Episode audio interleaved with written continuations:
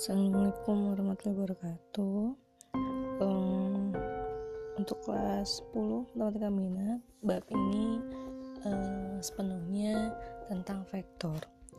Vektor itu uh, adalah sebuah Seperti halnya fisika sebuah garis yang mempunyai besaran dan arah. Arahnya itu uh, berdasarkan kesepakatan ya kalau misalnya dia dua dimensi seperti halnya misalnya uh, koordinat x itu ke kanan dan y ke atas. Berarti kalau negatif x itu ke kiri dan negatif y ke bawah.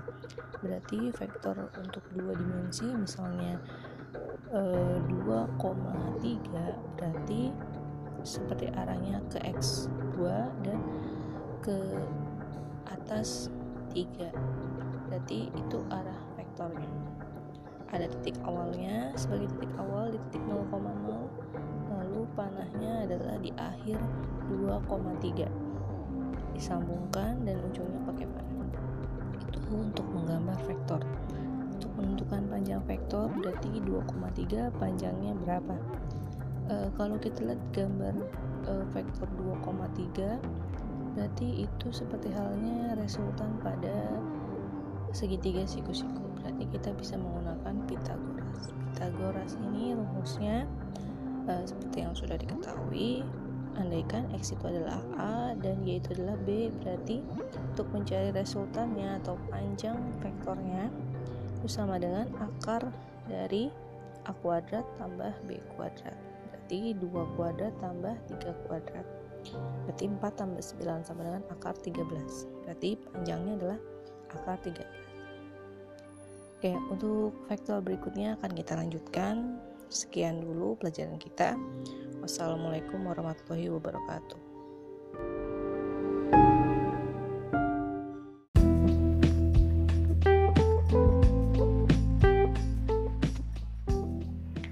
Oke, assalamualaikum warahmatullahi wabarakatuh.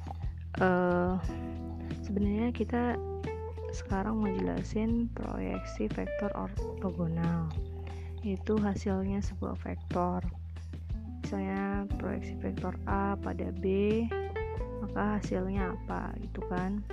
Kalau misalnya ditanya panjang-panjang atau ditanya bentuknya uh, vektor vektor maka jawabannya vektor.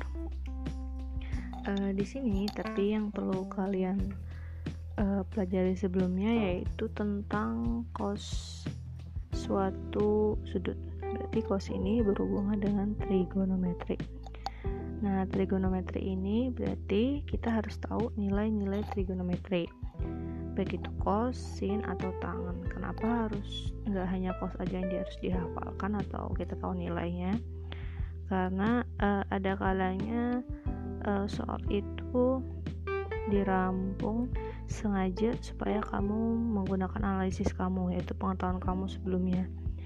Nah, jadi uh, selain harus tahu kos kamu juga harus tahu sin sama tangan karena ketiganya ini kan berhubungan.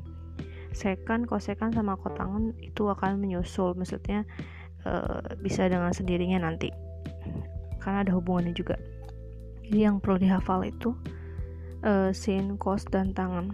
Nah sebelum itu coba kita uh, hafalin dulu ya dari nilai 0 30, 45, 60 sampai 90 sudut uh, sudut di kuadran satu dulu ya.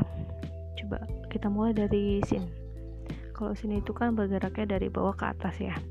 Berarti sin 00, sin 30 setengah, sin 45 setengah akar 2, sin 60 setengah akar 3 dan sin 90 itu 1. Kalau cos kebalikannya dari sin. Bergeraknya dari atas ke bawah.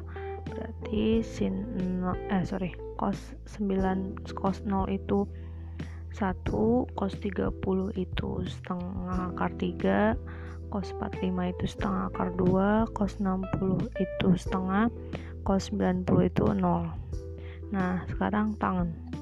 Kalau tangan itu pembagian antara sin per cos uh, berarti di sini tangan 0 tangan 0 itu karena sin 0 itu 0 dan cos 0 itu 1 berarti 0 per 1 berarti sama dengan 0 terus berikutnya tangan 30 tangan 30 berarti setengah dibagi setengah akar 3 itu sama dengan 1 per akar 3 1 per akar 3 kalau dirasionalkan menjadi 1 per 3 akar 3 terus berikutnya tangan 45 tangan 45 berarti setengah akar 2 dibagi setengah akar 2 berarti sama dengan 1 kalau tangan 60 tangan 60 berarti setengah akar 3 dibagi setengah yaitu sama dengan akar 3 yang terakhir tangan 90 tangan 90 itu berarti 1 dibagi 0 1 dibagi 0 eh, itu infinite atau tak hingga.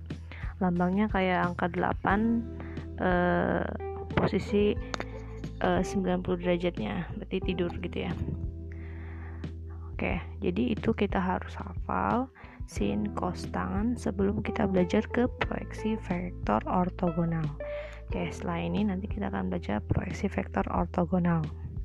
Sekian dulu. Wassalamualaikum warahmatullahi wabarakatuh.